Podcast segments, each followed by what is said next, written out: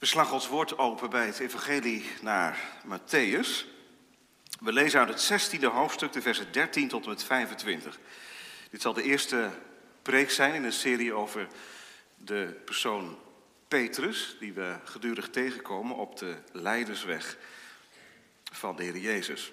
Volgende week is de eerste Leiderszondag.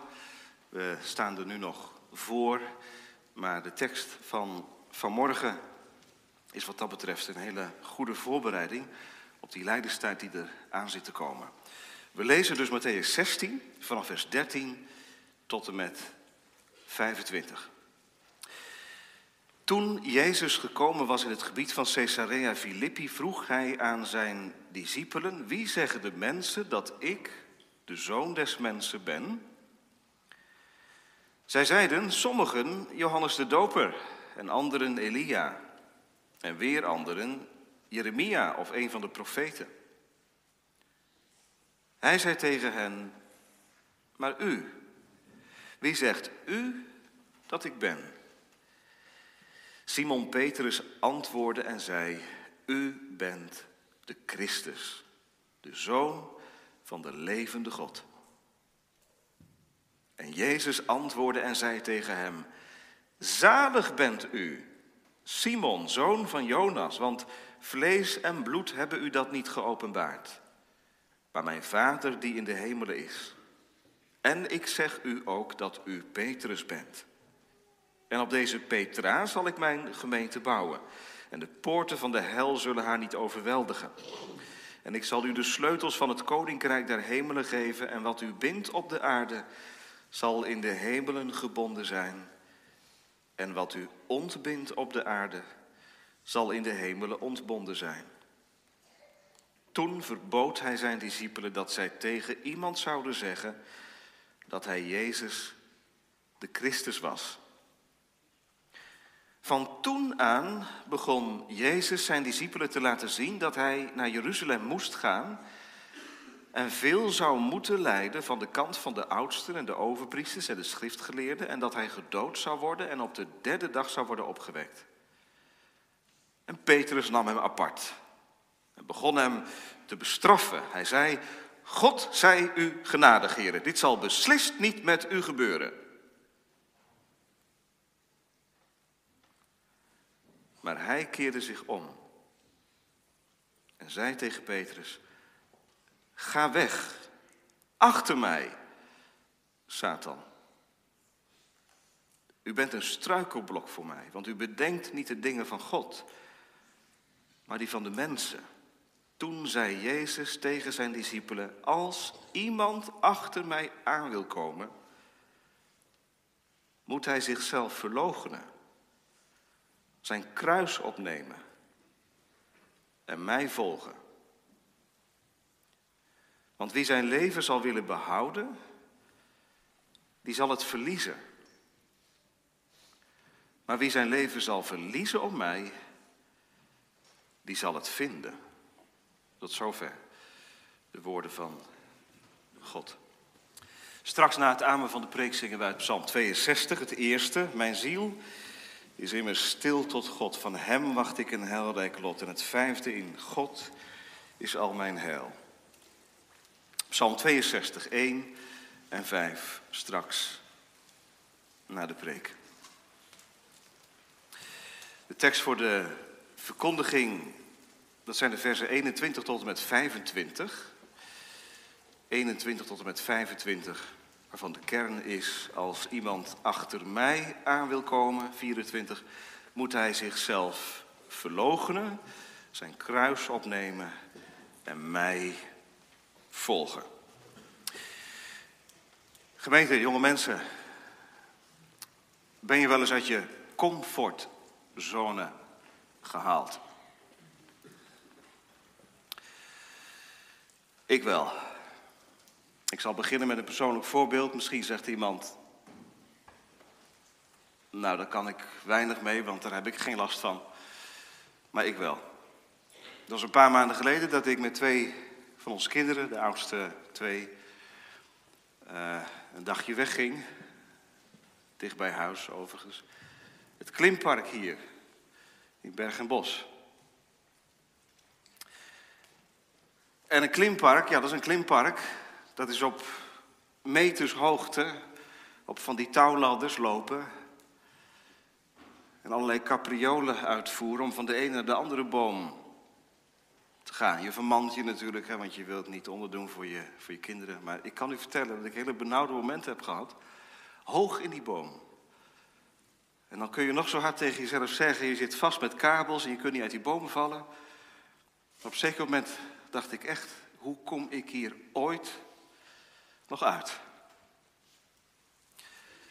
Uit je comfortzone gehaald worden, dat is dat er iets gebeurt in je leven of dat je iets meemaakt in je leven. Wat een grenservaring is, wat tegen je comfort ingaat, tegen het gemak. En voor de een is dat een klimpark, voor de ander is dat wat anders. Maar, en nu serieus, dit is het christelijke leven. En zo kom ik erbij. En ik dacht bij de voorbereiding aan de preek van een, aan een citaat van, van de Engelse apologeet C.S. Lewis, die eens gezegd heeft, u weet, hij was geen christen, hij is christen geworden. Hij zei, ik ben geen christen geworden voor het comfort, maar voor het geluk. Dan kan ik er beter een glaasje port nemen. Dan krijg je een gelukkig gevoel van. Ik kan het christelijk geloof niemand aanbevelen als iemand denkt dat het comfort en gemak met zich mee zal brengen. En is dat niet in de kern wat de Heer Jezus hier tegen zijn discipelen, tegen ons als gemeente zegt? Dat brengt me bij het thema uit je comfortzone. Het is vanmorgen een vierpunter. We letten op de weerstand, want Petrus gaat zijn meeste bestraffen. Er zit weerstand, ergernis. Als Jezus gaat vertellen over dat ongemakkelijke dat hij gaat lijden en sterven en dat zij mee moeten gaan. Weerstand, dat is het eerste. In de tweede plaats de les, want Jezus draait zich om, 23, en leest Petrus niet de les, maar geeft hem wel een les. In de derde plaats horen we over het kruis, 24, en tot slot over het uitzicht, 25. Dus uit je comfortzone, de weerstand, de les, het kruis, het uitzicht. Allereerst de weerstand. Gemeente, we staan bij de ingang van Jezus lijden. Matthäus 16, vers 21 is een, een breekpunt in het evangelie. Van dat, vanaf dat moment gaat Jezus richting Jeruzalem en laat hij ook aan zijn discipelen zien dat hij daar naartoe moet om te lijden en te sterven. U ziet dat ook staan, heel letterlijk in vers 21. Van toen aan, vanaf dat moment. Nadat Petrus de beleidenis beleden heeft dat Jezus de Christus is. De Zoon van God. Want ja, dat ging eraan vooraf en dat kunnen we niet loskoppelen van elkaar. Dus we kijken even terug naar die wonderschone beleidenis van Petrus. Waarvan Jezus zelf zegt, dat heb je niet van jezelf man. Vlees en bloed hebben je dat niet geopenbaard. Dat komt niet van onderaf, dat komt niet uit je hart. Maar dat heeft God aan je gegeven. Dat is een geschenk. Mijn vader die in de hemelen is, die heeft ervoor gezorgd dat jij dit kunt beleiden. Nou, dan zou je zeggen, dat zit toch wel goed hè, bij Petrus. Een machtige beleidenis. Terwijl andere mensen zeggen, Jezus is Jeremia of Elia of Johannes de Doper, raakt Simon Petrus de kern. U bent de Christus, de gezalfde, de zoon van de levende God. Zalig ben jij, Petrus. En dan zegt Jezus er nog iets bij. Ik geef jou de sleutelmacht, zodat jij op de aarde mag binden en ontbinden. Je krijgt de sleutelmacht in jouw handen wordt de, de worden de sleutels van het koninkrijk der hemelen gegeven, zodat jij mag ontbinden en binden. Het koninkrijk der hemelen gaat open en gaat dicht, als jij de naam van de Heer Jezus verkondigen gaat.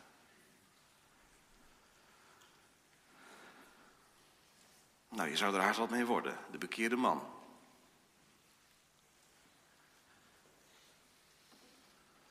Petrus, je bent binnen. En dan, eerst dat merkwaardige vers, hè, vers 20. Toen verbood Jezus zijn discipelen dat zij tegen iemand zouden zeggen dat hij Jezus, de Christus was. Waarom? Het is toch mooi, jonge mensen, dat zoveel mogelijk mensen horen over de Heer Jezus. Ja, maar dit heeft te maken met het totaal verkeerde begrip wat er is bij de mensen in zijn algemeenheid over wie Jezus is.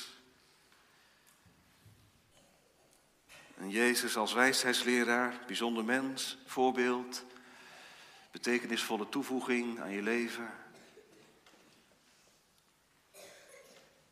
Maar weten mensen wie hij echt is? Nee, dat zal Jezus hen duidelijk gaan maken, maar eerst zijn discipelen.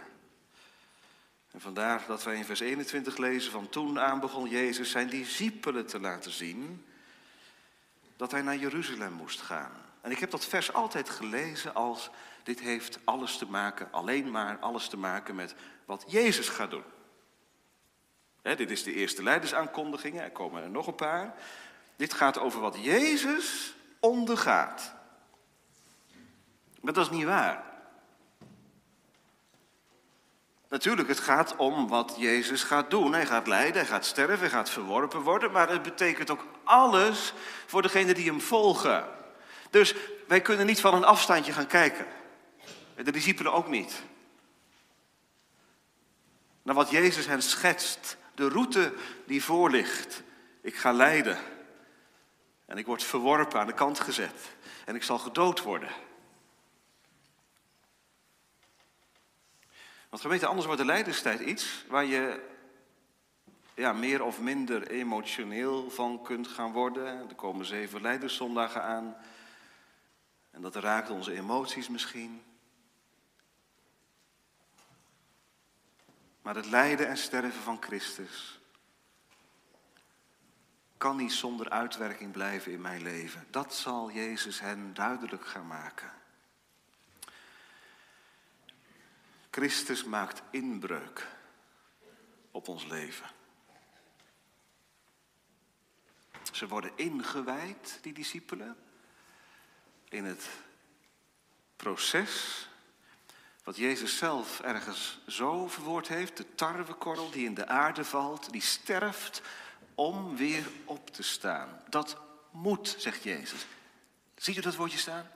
Ik moet, vers 21. Dat is van God uit. Dat is omdat de Vader het wil. En dat is ook omdat hij het zelf wil. Wonderlijke harmonie. Vader wil het, de Zoon wil het.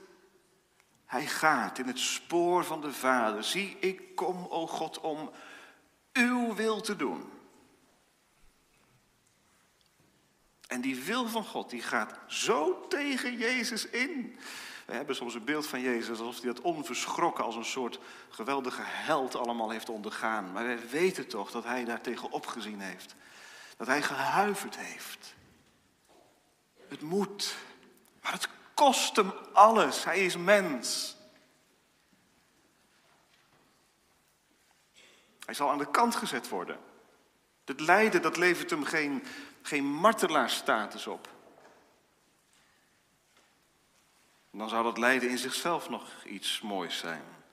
Maar Jezus wordt uitgespuwd door de wereld en door de godsdienst, de oudste en de overpriesters en de schriftgeleerden. Die zeggen weg met Jezus. Nou, en terwijl Jezus aan het vertellen is, zijn discipelen aan het inwijden is.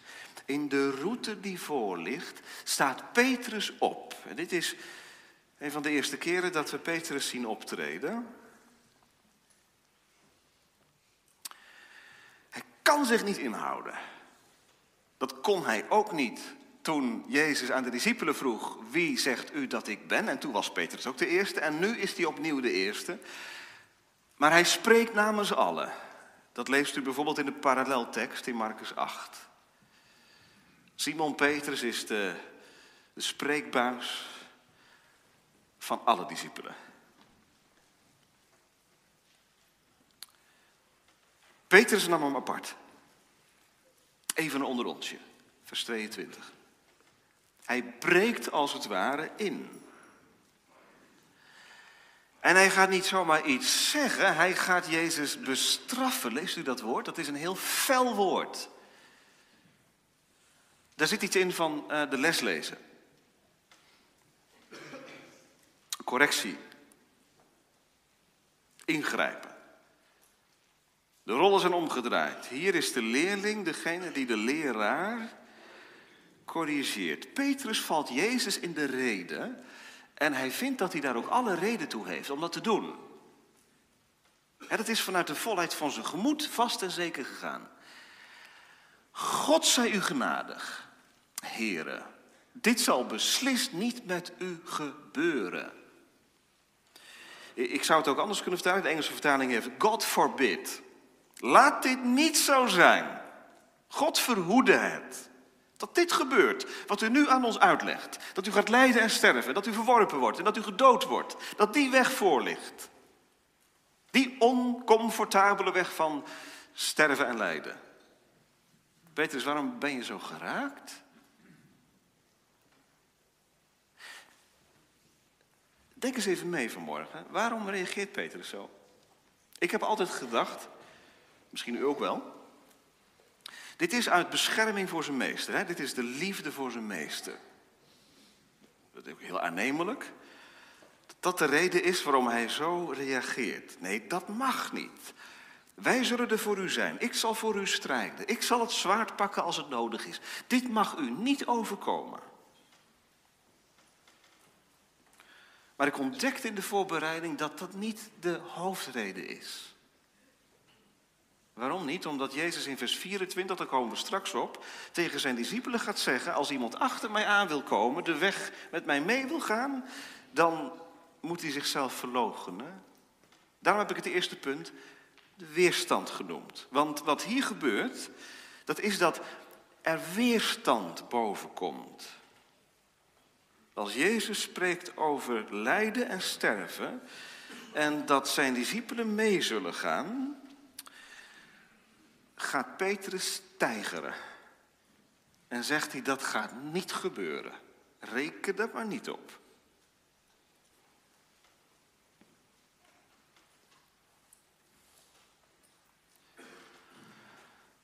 En dan kun je natuurlijk in je kerkbank en als dominee dit gaan lezen en zeggen, ja, dit gaat over Petrus en dit gaat over Jezus. En En je voelt misschien bij jezelf al een bepaald oordeel opkomen, hè? Petrus, man. Maar nu even eerlijk, gewoon even onder ons. Is, is die niet mijn natuurlijke reactie, gemeente? Is dit niet jouw natuurlijke reactie? Als het gaat om de wil van God. Het is echt idealisme. Het is echt idealisme om te denken dat ik van harte bereid ben om de wil van God te doen. Mensen die dat denken, die vallen na verloop van tijd met zichzelf om. Alsof wij zo bereid zijn om Jezus te volgen. Louis kwam erachter. Christen zijn is uit de comfortzone van je eigen beelden en idealen en ideeën over het christelijk leven getrokken worden. Petrus komt erachter dat het navolgen van zijn meester niets anders betekenen zal dan sterven. Dat is uit de wereld geroepen worden. Dat levert een geweldige botsing op van binnen. Voel je die spanning ook wel eens? Ik zou zeggen, dat is heel gezond. Het is heel ongezond als je die spanning niet voelt. Als je denkt dat het volgen van Jezus iets is wat vanzelf gaat. Of wat je met de paplepel ingegoten wordt. Je bent gedoopt, je beleidenis gedaan en dan gaat het allemaal eh, zijn gangetje. En je gelooft. Wie Jezus liet kennen, voor hem of voor haar valt er een wereld in duigen. Welke wereld? De wereld dat je kunt geloven zonder pijn. Dat je kunt beleiden zonder dat je iets van lijden ervaart. Weet je wat er dan gebeurt? Dan nemen wij Jezus apart als wij zo denken en dan zeggen wij, ho ho, ga maar even achter mij, Jezus. U mag mij een duw in de rug geven. U mag mij helpen, troosten, stimuleren. U mag iets waardevols toevoegen aan mijn leven. Maar u mag mijn agenda niet bepalen. U mag mijn wil niet blokkeren en veranderen.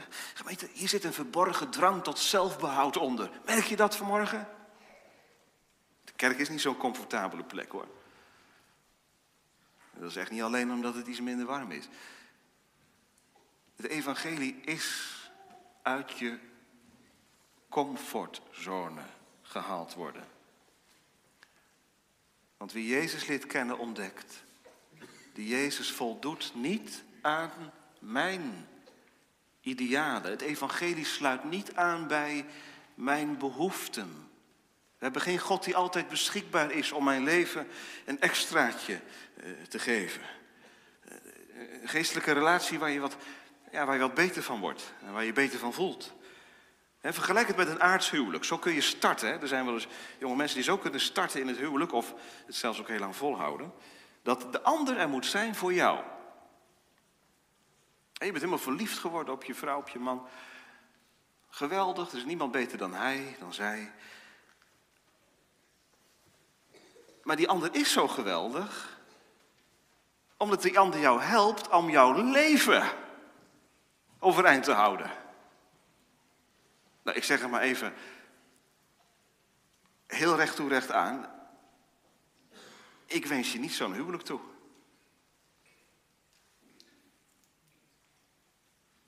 Ik wens je een huwelijk toe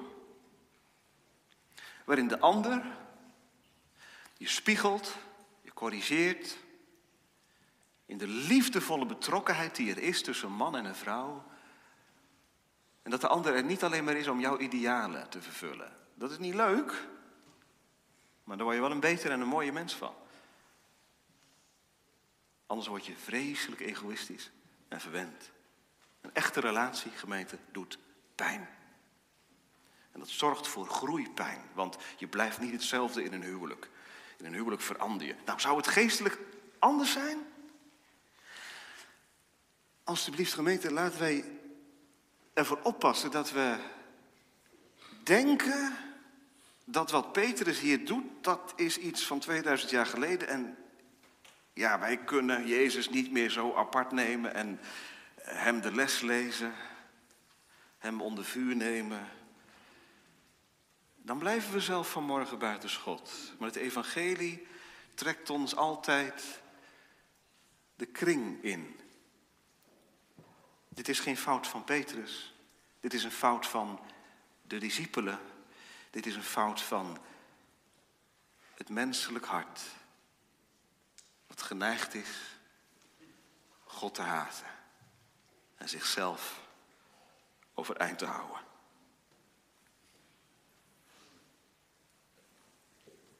Jezus kennen zonder Hem te volgen, met Hem te sterven, is onmogelijk. Anders is Jezus slechts een idee. Voor een idee kun je strijden met zelfbehoud. Maar in Jezus geloven en Hem navolgen betekent dat ik mijn levensprogramma uit handen geef. Dat ik mijn zelfverwerkelijking op het offer leg. En dat doet pijn. Dan een tweede. Die weerstand. Ik hoop dat u hem voelt vanmorgen, de weerstand. Is echt ongezond als je die weerstand niet voelt. Nou, het is niet alleen ongezond, daar kom ik straks nog wel op. Het is uiteindelijk rampzalig als je deze weerstand niet voelt. Maar nu tweede eerst, de les. Het is zo geweldig, gemeente. Kijk eens mee, vers 23. Jezus keert zich om en zegt tegen Petrus. Dus Petrus heeft hem net um, gecorrigeerd, hè, die heftige bewoordingen. En dan Jezus keert zich om. Dus hij gaat nu met zijn beide ogen, de ogen van, Jezus zoeken, of, eh, van Petrus zoeken. En dan zegt hij tegen Petrus, ga weg achter mij. En dat lijkt, dat lijkt in eerste instantie een genadeloze klap om de oren. Vooral dat Satan, hè, dat, dat stuit ons tegen de borst. Dwaas, snap je het nou nog niet? Weg met jou. Het zijn dezelfde woorden, sorry. Het zijn dezelfde woorden die Jezus gebruikt in de verzoeking in de woestijn met de duivel. Ga weg. En toch zit er verschil in. Het verschil met de Satan is dat hij tegen de Satan zegt: Ga weg, jij zult branden in de hel. Jij zult terecht staan. Maar hier is het geen terechtstelling, maar een terechtwijzing. Dat is een verschil. Satan. Door elkaar heen werpen. Chaot. Jij draait de dingen om, Petrus. Jij denkt dat jij bepaalt en dat ik volg. Maar weet je, dan ben je een struikelblok voor mij. Je bent een struikelblok gemeente als je jouw programma, jouw idealen, jouw ideeën de voorrang laat geven. Dan bedenk je niet de dingen van God, maar die van de mensen. Achter mij. Petrus. Even voor de kinderen. Wat bedoelt, Petrus, uh, wat bedoelt Jezus nou te zeggen tegen Petrus? Petrus moet achter Jezus komen. Waarom? Waarom? Nou, stel je nou voor, jij loopt met je ouders in een gebied wat je niet kent. En dat gebied is vol met allerlei gaten en met uh, sloten waar water in staat. En je ouders zeggen tegen jou, joh, loop maar. Nou, en jij gaat. Wat is het gevaar? Je kent het terrein niet. Je kunt in een gat vallen, je kunt in een sloot vallen. Het is natuurlijk vreselijk onverstandig van ouders om dat te zeggen. Waarom doen ouders dat niet? Waarom zeggen ouders bij ons blijven of achter ons blijven? Ze gaan zelf voorop, ze verkennen het terrein en ze zeggen eigenlijk tegen je: zet je voetstappen maar in die van ons, dan komt het echt goed. Want wij gaan voorop. En als jij volgt, ben je veilig. Dat is de les. Ja, het gaat dus wel door dat terrein heen. Hè? Het is geen vlakveld. Het is wel een terrein met gaten, met sloten, met barricades. Maar als een volwassene voorop gaat, dan mag een kind kinderlijk vertrouwen. Het komt goed. Wat zegt de Heer Jezus? Nu weer terug naar de tekst. Achter mij leer je het, mij volgen. En dat woordje achter mij betekent hier in de eerste plaats ook, kom achter mij. Kom tot mij, Petrus. Berg je achter mij. Ik denk aan het beeld van de kip met de kuikens, wat Jezus zelf gebruikt. Als hij voor Jeruzalem staat en tegen Jeruzalem zegt: Jeruzalem, Jeruzalem, ik heb u bijeen willen vergaderen zoals een, zoals een hen haar kuikentjes. Die kuikentjes die, die vluchten bij het minste onheil onder de, de vleugels van de moederkip. Dat is Jezus, zo is Jezus. Ach, dat zegt hij vanmorgen ook. Hè? Ik kijk even naar de kinderen. Jezus zegt, kom maar. Achter mij. Onder mijn vleugels. Wil je veilig zijn? Kom achter mij. Waarom kan Jezus dat zeggen? Omdat hij hier op weg is naar het kruis. Omdat hij gaat lijden en sterven. Omdat hij de schuld gaat verzoenen als de priester die met zijn eigen bloed het goddelijke heiligdom straks binnengaat. Als iemand achter mij wil komen, kom maar. Wat een les. Achter mij, dat betekent dat ik moet leren loslaten. Want alleen zo kan er verbondenheid met Christus zijn. Als ik loslaat. meega, met hem onderga. En op dit cruciale moment geeft Jezus zijn discipelen de keuze. Ziet u dat? Vers 24 mogen we niet losmaken van de voorgaande versen. Toen zei Jezus, toen. Nu hij het ze nog eens een keer gezegd heeft dat er alleen maar heil is en zegen als ze achter hem aankomen. En dat het dus ook betekent dat ze gaan lijden met hem en gaan sterven. Toen. En dan geeft hij als het ware de vrijheid om te kiezen. Als iemand achter mij. Wil, wil iemand nog? Wil iemand dit nog?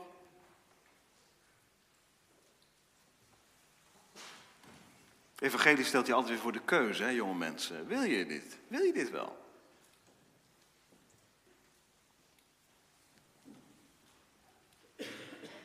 Nergens wordt het door je keel geduwd. Het is een keuze. Je bent geen robot. Je kunt er ook voor kiezen, vers 25, om je leven te behouden. Dat kan, zelfs in de kerk. Je kunt je leven behouden. Je zult het verliezen. Daar kom ik straks nog op.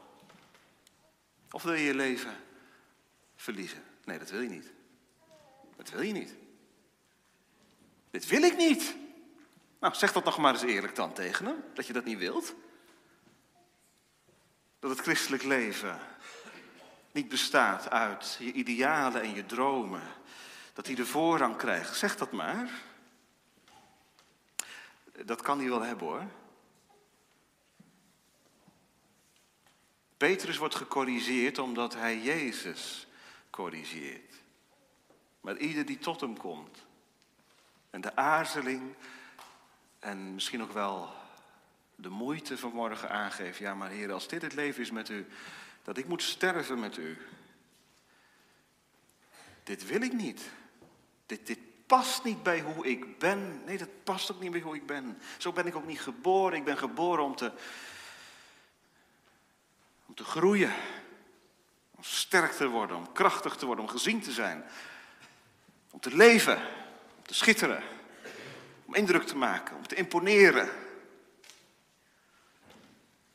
Om vast te houden. Om controle te hebben. En Jezus zegt nee, achter mij. Ik geloof dat je alleen maar kunt navolgen als je hebt leren wegkruipen achter Hem, achter wat Hij gedaan heeft. Dat Hij de vloek van de toorn van God, die mij zou moeten treffen, op zich genomen heeft. Dan alleen kan ik ook volgen. Dat is het derde, het kruis. Als iemand, wie ook maar, achter mij aan wil komen. Kijk, en op dit cruciale moment zijn er natuurlijk ook heel veel mensen die afhaken. Dat, dat zien we in het evangelie ook. Er zijn genoeg mensen die Jezus volgen in een massabeweging. Geweldige man.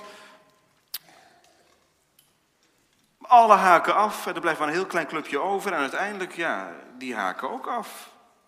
Al die grote woorden, die blijken niet zwaar te zijn. Als iemand achter mij aan wil komen, moet hij zichzelf verloochenen, lees ik in vers 24. Wat is zelfverloochening? Dat heeft niets te maken, laat ik dat eerst even heel duidelijk gezegd hebben, het heeft niets te maken met negatief over jezelf denken. Jezelf verloochenen, dat is heel, um, ja, minder waardig over jezelf denken. Of um, jezelf een beetje de grond induwen. Dat je niks waard bent en zo. Daar gaat het hier niet over. Dat is een psychologische categorie. Jezelf minderwaardig voelen. En de grond induwen. Wat is zelfverloochening? Dat is een theologische categorie. Dat is een, een woord uit de Bijbel. Dat is jezelf vergeten. Jezelf vergeten wanneer je aan Hem denkt. Wanneer je aan Hem, je aan Hem vastklampt. Alleen nog Hem zien. Hij moet groeien, ik minder worden. Hij voorop. En ik achter hem aan. Het is genade van Jezus dat het eerst in dit vers gaat over zelfverloochening en daarna over kruisdragen. Want alleen dan kun je bereid zijn om je kruis te dragen. Als je jezelf verloochent. Wat is dat? Dat is Jezus zo leren kennen. Dat Hij alles bepalend en alles beslissend wordt in je denken en je doen. Dat is een proces hoor. Dat is, dat is iets wat iedere dag terugkomt. Dat, lees je bijvoorbeeld in de paralleltekst, hè, Marcus 8. Daar staat dat je dit dagelijks moet doen. Wie zichzelf verlogent, achter mij aankomt, zichzelf verlogent, die kan zijn kruis opnemen. Wat is kruis? Ik heb altijd bij kruis gedacht, misschien u ook wel, ja, het woord corrigeert je denkbeelden. Bij kruis dacht je, denk ik, aan ehm, een ziekte of uh, rouw, iets moeilijks in je leven. Gebrokenheid, eenzaamheid, dat is je kruis. En dat kruis, dat moet je opnemen en dan achter hem aankomen. Maar zo bedoelt Jezus het niet. Anders zou iemand die zegt, ja, ik heb op dit moment eigenlijk geen last van een kruis. Eigenlijk ben ik heel gelukkig met mijn leven. Dan zou dit vers niet gelden. Of dan zouden we dit vers alleen maar plakken op de leidende kerk. Ja, kijk, dat zijn de christenen die hun kruis opnemen. Zo bedoelt Jezus het niet. Het kruis is hier niet het lijden, maar het is het met Christus verbonden zijn en daarom lijden. Het is het lijden dat voortkomt uit de geloofsverbondenheid met Jezus. Met andere woorden, wie tot hem komt, wie door het geloof tegen Jezus aanneemt, die krijgt een kruis opgelegd. Dat ligt al klaar voor je. Je hoeft dus ook vanmorgen niet te denken, wat is mijn kruis?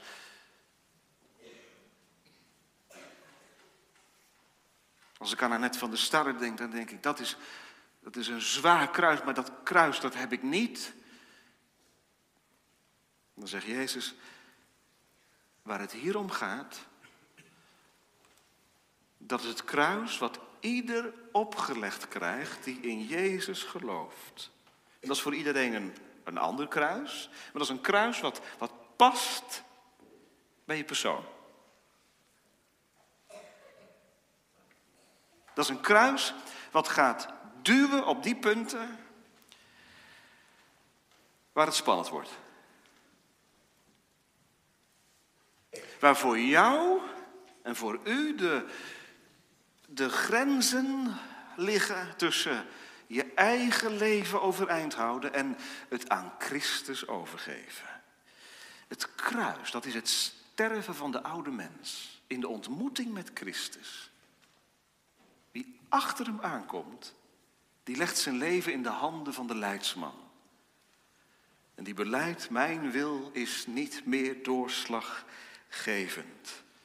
Er mag een kruis door mijn naam. Wat betekent dat dan voor jou? Nou, dat je nee gaat zeggen. Dat, is een, dat kan een kruis zijn voor je. Je gaat nee zeggen tegen de verlangens die impulsief in je opkomen. En die je van nature ook in vervulling laat gaan. Het is nee zeggen tegen je eigen logica. Ja, maar het is toch logisch dat je dit doet? Het is toch logisch dat je hier naartoe gaat? Het is toch logisch dat je dit kijkt? Het is het kruis dragen tegen de stroom in, tegen alles en iedereen die vindt dat dit normaal is. Het kruis dragen. Het beleiden van Christus betekent, gemeente, lijden op die punten die in uw leven, die in mijn leven heel groot zijn, die heel belangrijk zijn. Als iemand daar aankomt, dan, dan, voel je geraakt. dat kan voor de een eergevoel zijn, eh, gezien willen worden. Voor de ander zijn gezin, eh, huwelijk, relaties. Of een derde erkenning. Daar ga je al achterkomen hoor. Want dat is, dat is het ontdekkende werk van de Heilige Geest. Dat de Geest gaat, laat je zien op welke punten je het moet gaan verliezen. Dat is het. Die kruis opnemen, dat is dat je het gaat verliezen. Dat je ontdekt dat het leven geen succesverhaal is. Geen plezier alleen. Maar de weg omlaag. Zeg nou zelf gemeente, hier was je toch nooit opgekomen. Als Jezus het niet gezegd zou hebben. Zouden we er dan voor gekozen hebben? Hadden, hebben? Eh, achter me aankomen? Het gaat je wat kosten ook. Ik kwam een citaat tegen, ik geef het u even door, omdat het denk ik heel diep raakt aan wat we nou met elkaar ehm, delen. Thomas A. Kempis, hij schrijft, Jezus heeft heel veel mensen die houden van zijn koninkrijk, van de hemel. Maar slechts weinig mensen die dragers zijn van zijn kruis. En wees eens eerlijk, zit dat niet in ons allemaal? Dat wij wel het fijne, het mooie, het prettige van het christelijk geloof van Jezus willen hebben, maar het, het pijnlijke, het confronterende, het kruisigende. Dat ik minder word en minder word. En dat hij meer wordt. Dat wil ik niet. En ga niet, ga, gaan we niet vroom doen met elkaar, gemeente, alsof wie achter Christus aankomt dat allemaal wel wil. Dit is Petrus, hè? De discipel. De man met die geweldige beleidenis. U bent de Christus. Dus ga nou niet zeggen, ja, dat is voor mensen die, die er nog aan moeten beginnen. Dit is voor mensen die onderweg zijn. En erachter komen dat dat venijnige oude vlees, dat oude hart, het oude ik, zo groot is. En dat je jezelf moet verloochenen om dat kruis op te nemen en Hem te volgen. Iedere dag opnieuw. Je leven aan Hem geven. Heere, hier ben ik. O God, geef dat ik niet vecht voor mijn eigen koninkrijkje. Maar dat uw koninkrijk in mij komt. En nu zijn er misschien mensen die zeggen, ik haak nu wel zo'n beetje af hoor. Want als dit het christelijk leven is, wat is dan nog de aantrekkingskracht van het christelijk geloof?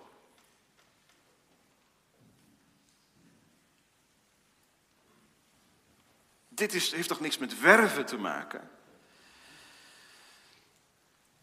Toch wel. Toch wel. Dat is het laatste, het uitzicht. Dat is vers 25. Wie zijn leven zal willen behouden, zegt Jezus in een soort slotconclusie, die zal het verliezen, maar wie zijn leven zal verliezen om mij, die zal het vinden. Dit is niet negatief. Dit is eerlijk. En daar hebben we in deze tijd behoefte aan. Ook de mensen van vandaag in Apeldoorn die niet naar de kerk gaan en niet in Christus geloven. Een eerlijke behandeling. En wat is eerlijk? Dit is eerlijk. Als je je leven wilt behouden, zul je het verliezen. Als je je leven zult verliezen om mij, dat is heel belangrijk, dat staat erbij, die zal het vinden. Ik denk even aan Paulus. Later in de Bijbel. Nou, dat is zo'n navolger. Hè? Hij zegt, ik ben met Christus gekruist. En ik leef, maar niet meer ik, maar Christus leeft in mij. Ik ben gekruisigd voor de wereld. Daar wordt, daar wordt zijn leven licht van, echt waar. Want weet je, stel nou hè, dat Christus niet je alles is. Dat je in de kerk zit en dat je niet hartelijk van de Heer Jezus houdt. Dan draag je je eigen last. Dan is blijkbaar jouw ego nog alles. En als dat is een last, je eigen ik dragen. Dat bedoelt Jezus met je leven behouden. Dat is de kramp van ieder mens die Jezus niet kent. De kramp om jezelf overeind te houden, jezelf te bewijzen in het licht van de dood. Het leven hier en nu te vieren. Wie zijn leven zal willen behouden, die zal het verliezen. Maar wie zijn leven zal verliezen om mij, die zal het vinden. Hoezo? Wie, als je je leven verliest, dat betekent overgeeft, overdraagt aan Hem. Dat is geen verlies, dat is winst. Want onder het kruis van Jezus wordt de last toch licht. Je draagt het niet alleen. Onder zijn juk zijn we samen. U kent toch die prachtige woorden? Kom tot mij die vermoeid en belast zijt en ik zal u rust geven. Dat zegt Jezus vanmorgen tegen ieder van ons.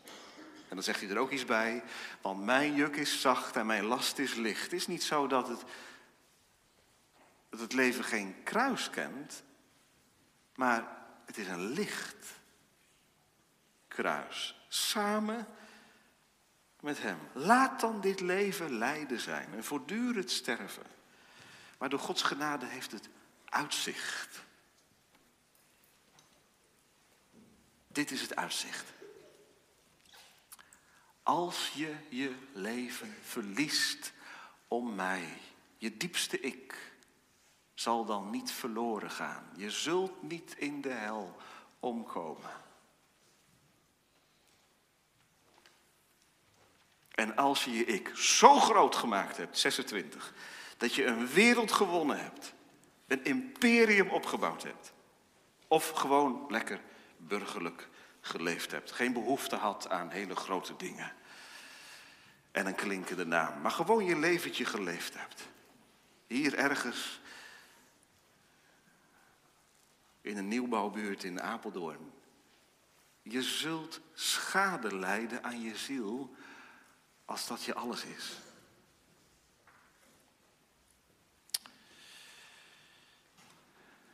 Neem je kruis op en volg mij. Dagelijks.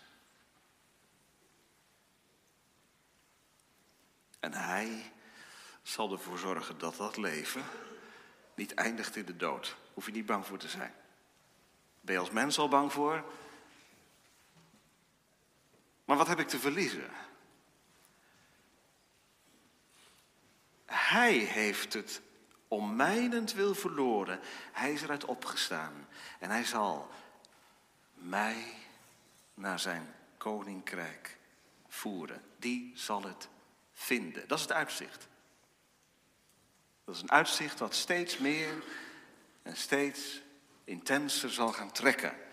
Leer ons dagelijks, leer ons duizend werven in uw kruisdood, meegekruisigd sterven en herboren opgestaan, achter u ten hemel gaan. Nou, gemeente, jonge mensen, bid je mee. Trek mij en dan zal ik u nalopen. De Heer belooft, ik trek je mee in mijn spoor dat jouw gang doorkruist. Maar wees ervan verzekerd, je zult het leven behouden. Je zult niet omkomen, je zult thuiskomen. In God is al mijn heil en mijn eer. God is mijn toevlucht. Uit de comfortzone. Want het comfort, dat is niet hier. Maar dat is straks. En dan is comfort veel te vaag en veel te zwak. De zegen en het leven en de heerlijkheid, die komt straks. Amen.